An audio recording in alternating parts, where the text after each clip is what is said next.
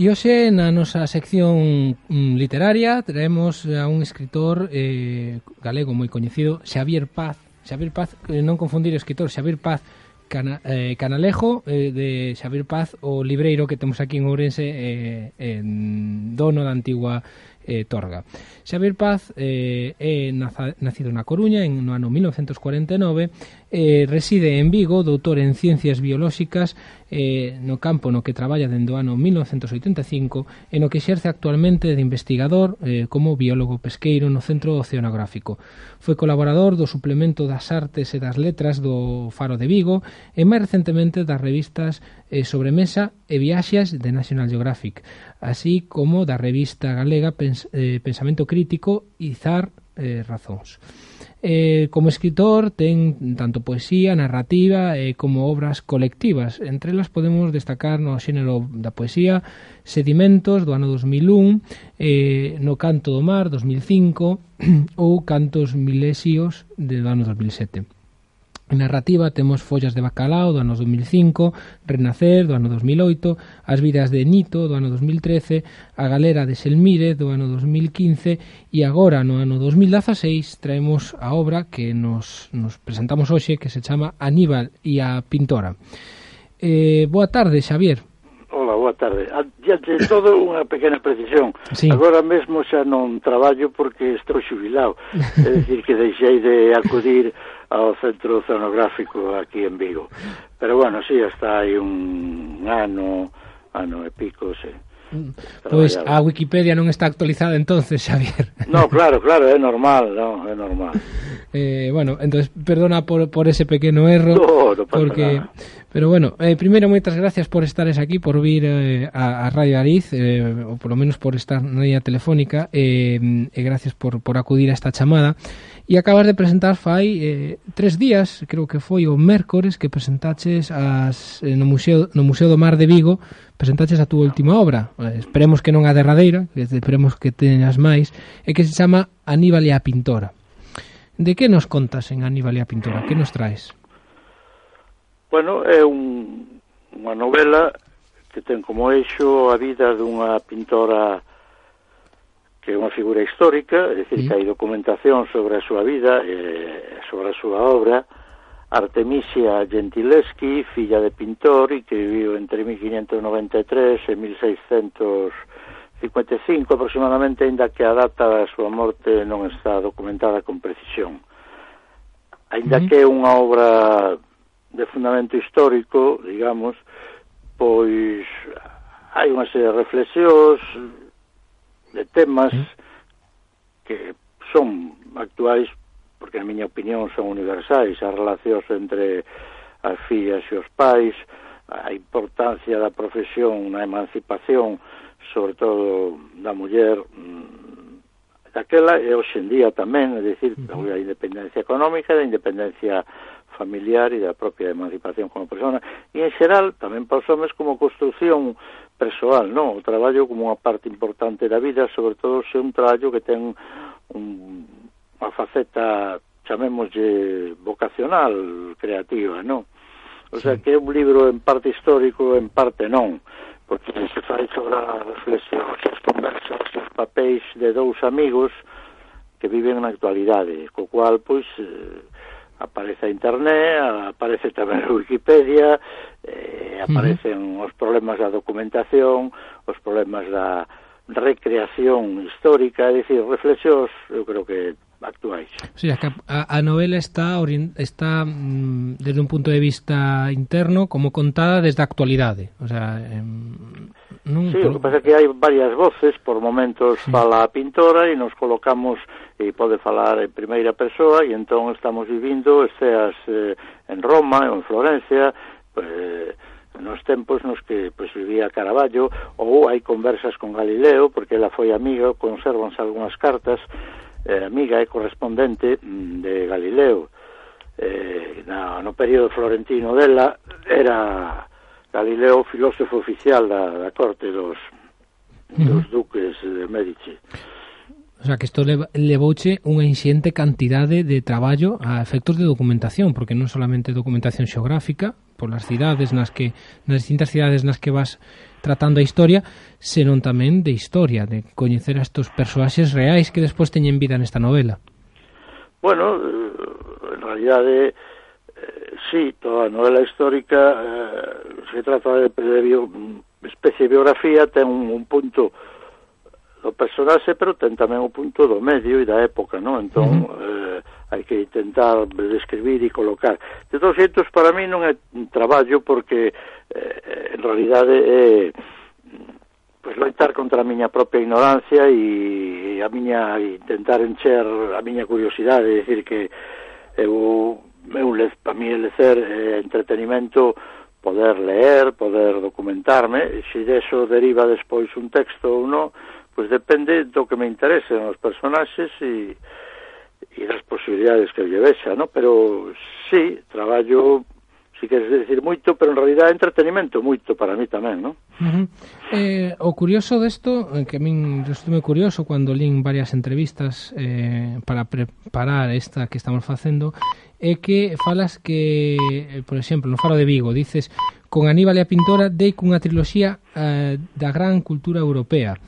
Mm, a que te refires? A, a gran triloxía de, dos grandes pintores mm, da época na que se basa esta novela? No, en realidade, bueno, a frase non é moi precisa, non? Probablemente fose responsabilidade miña a imprecisión, non sei. No, quero decir que eu teño escrito unha novela Renacer que trata da, mm. da vida de Tiziano, pero en realidade Tiziano, o seu amigo escultor e arquitecto Sansovino, e do seu amigo pornógrafo e escritor Aretino. Pero bueno, en realidad a novela se centra nunha figura histórica pero totalmente inventada en cuanto a peripecia biográfica que é Adria, unha filla de Aretino sí. chamaba Adria por o de Adriático por facerlle a pelota ao Senado Veneciano. bueno, e a, e a outra filla que tuvo chamoulle Austria por facerlle a pelota a Carlos V, no, dos Austrias. Bueno, pois pues, desa novela Renacer, que como se nome indica, trataba pues, por, en parte do Renacimento tardío eh, do século XVI, esta sin que eu fora moi consciente ao principio, en realidad esta mm, xa nos coloca no século XVII, e a través desta eh, descolgouse dela porque era imposible metelo todo ou moi complicado e desde logo moi voluminoso metelo todo toda a época que comentábamos antes e todos os personaxes que se relacionaron co, coa nosa pintora, pois metelos nun só libro, entón desprendeuse Galileo, de uh -huh. tal maneira que se chego a publicar, cando publique a unha biografía novelada de Galileo centrado bastante na súa relación coas mulleres, fillas, nai, amantes, etc. Pois, se digo, se eso chega a ver a luz, será unha triloxía italiana, Ajá. Renacer, Aníbal e a pintora, e esa posible vida novelada de Galileo. Uh -huh. Por eso non é que dese eh, non é que dese con unha triloxía ou escribir esta novela, sino que esta novela configura mm, unha eu creo que será unha triloxía, unha triloxía de ambiente e de cerna italiana, desde logo. Ah, moi interesante. Agarda entonces esa, esa terceiro libre de, de esa triloxía que esperemos que salga e se vexe a luz. Eh, unha pregunta, por que escribir eh, sobre unha pintora? Por que escribir sobre Artemisa? Bueno, hai... Se me ocurren... Artemisia, perdón, Artemisia. Sí, eh, se me ocurren o sea, creo que hai, non é que se me ocorre, varias razóns de certo peso, non? Eh, primeiro, pola injusticia histórica que se cometeu con ela, non? Que sendo unha muller que triunfou na súa época, eh, foi admitida na Academia de Pintores eh, de Florencia, a primeira muller que o conseguiu, foi admitida na Academia de Pintores de Roma, aínda que aí se entrara algunha muller, e foi eh, tamén a primeira muller que pintou un ciclo de grandes lenzos para unha iglesia. A iglesia, a curia romana, consideraba indecoroso que obras salidas da man das mulleres entraran nos templos, uh -huh. pois sabido que a muller é mm, causa de, de pecado, non? Uh -huh. Entón, eh, ela foi a primeira muller conseguir. E, sin embargo, os 50 anos da morte dela, desaparece dos tratados e das historias da arte. É dicir, é unha injusticia manifesta que só se pode explicar pola misoxinia dos historiadores do arte, pola tremenda desprezo que en xeral os académicos sentiron eh, polas mulleres. Bueno, isto nunca, non, non debe extrañarnos moito pensando que aínda non hai 100 anos que a muller tuvo dereito ao voto, non? Sí. O sea, que non eran considerados seres humanos, non eran considerados eh, eh, persoas eh, con dereitos cívicos, non, eran eh, de segunda categoría en todos os aspectos da vida. Mm. Pois eh, como iban a ser consideradas artistas ou iban a ser consideradas artistas de xenio. Ben, entonces hai unha función, digamos, reparadora da tremenda injusticia que supuxo. Hai outra intención porque eh, ten unha vida mm, de ser humano afouto e coraxoso que se sobrepón a unha serie de desgracias. Queda orfa pequena, é violada por un colega do pai, é sometida a un proceso público do que se conservan as actas eh, transcritas, nese proceso é sometida a tortura, exames ginecolóxicos, uh -huh. eh, etc. Bueno, ten unha vida novelesca, de feitos existen outras novelas sobre ela. Novelas mm, todas escritas por mulleres. É dicir, hai unha razón novelesca, literaria, hai unha materia aí de interese de como un ser humano se enfrenta ás desgracias a través do traballo, neste caso, ela, non? E hai tamén, pues, eh, nese insistindo, no asunto da superación, a súa loita por, verse tratada exactamente igual que un home pintor, é dicir, mm. ela, e consérvanse cartas súas donde se queixa con razón de que non é retribuída igual que os homes por cadros moi semellantes, non? Entón, eu creo que había moitas razóns. Aparte, eh, digamos que o período a mí me resulta Unha vez que abandonamos así ou penetramos na superficie do barroco como cousa uh, tenebrosa e estilísticamente un pouco fúnebre da súa pintura religiosa, vemos que no, que aquela época é cando Roma se completa nesta fasquía que vemos, en 1605 se completa a, a cúpula do Vaticano, Bernini traza a plaza de San Pedro coas columnatas que crenecemos, se crea ese tridente que sale de, de, de Piazza del Popolo e hoxe moi frecuentado por todos os turistas e por todos os tal, se remata unha serie de iglesias co, xesuítas triunfantes. En definitiva, hai Roma se convirte no taller da cristiandade, tanto en escultura como en pintura e en arquitectura. É un momento fascinante, que a mí me resultaba pues, interesante pues, contribuir a, a dar a coñecer sí. a través da, da literatura. En fin, razóns hai múltiples. A verdade é que é unha das épocas máis interesantes no, eh, do mundo da, da arte, para min. Por lo menos creo que é moi interesante.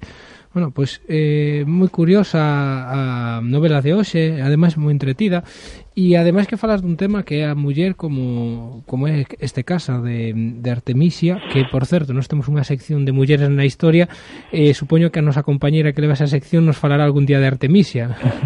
E eh, recomendarelle que lea o, o teu libro.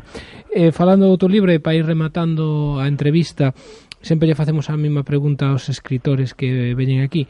E é por que os nosos ointes, os, eh, as persoas que están do outro lado do, das ondas hercianas, por que deben de ler o teu libro? Bueno, porque debemos todos ler libros escritos en galego, porque a nosa a lingua de noso e é unha lingua amenazada, uh -huh. eh, eso primeiro lugar. En segundo lugar, porque creo que é un libro que di moitas cousas, mm, mm, é unha pequena enciclopedia sobre a pintura, como se pintaba, barniz, escultura, tal. Se un ten sensibilidade e interesa ese mundo, debe lelo. En definitiva, eh, porque é un libro que pode entreter e pode axudar a reflexionar tamén. Mm, moi moi boa mm, conclusión. Por certo, falabas do galego e algo moi interesante. Eh, como ves a situación do galego? Ti que ademais estuveches no mundo da, da ciencia porque eh, estuveches eh, traballando no mundo científico onde o galego creo que é máis difícil atopalo que, que no mundo literario e como ves que esa situación da, da nosa lingua? Pois vexo con claroscuros. eu creo que ainda lle falta prestixio e sentimento de utilidade temos que estar máis orgullosos eu se viñera un tsunami non o que de Deus non? e desapareceran así CIES, se esborrallara a Torre de Hércules e unha serie de seísmos botaran abaixo a Catedral de Santiago, a muralla de Lugo e as Burgas, non sería desgracia para o noso patrimonio maior que a perda e o deterioro que estamos sufrindo da lingua. Oe, eh, damos por concluída a entrevista porque a verdade é que rematala así é a mellor forma de rematala con unha eh, oda hacia o galego. Moitas gracias, Xavier, por estarás aquí, esta a túa casa, Radio Ariza a túa casa, e banda parte tamén, e agardamos que en breve salga esa terceira parte da triloxía, eh, que nos fales dese um, persoeiro que, que mm, era non me sale ahora o nombre ah, eh, Galileo Galilei sí. que é un dos grandes científicos un dos primeiros grandes científicos modernos sí. e agardamos esa novela e que a presentes aquí tamén de novo eh, un éxito para esta outra que tes ahora mismo que se chama Aníbal e a pintora que é a recomendación nosa desta semana Moitas gracias a vos, na radio e aos ouvintes. Boa tarde. Boa tarde.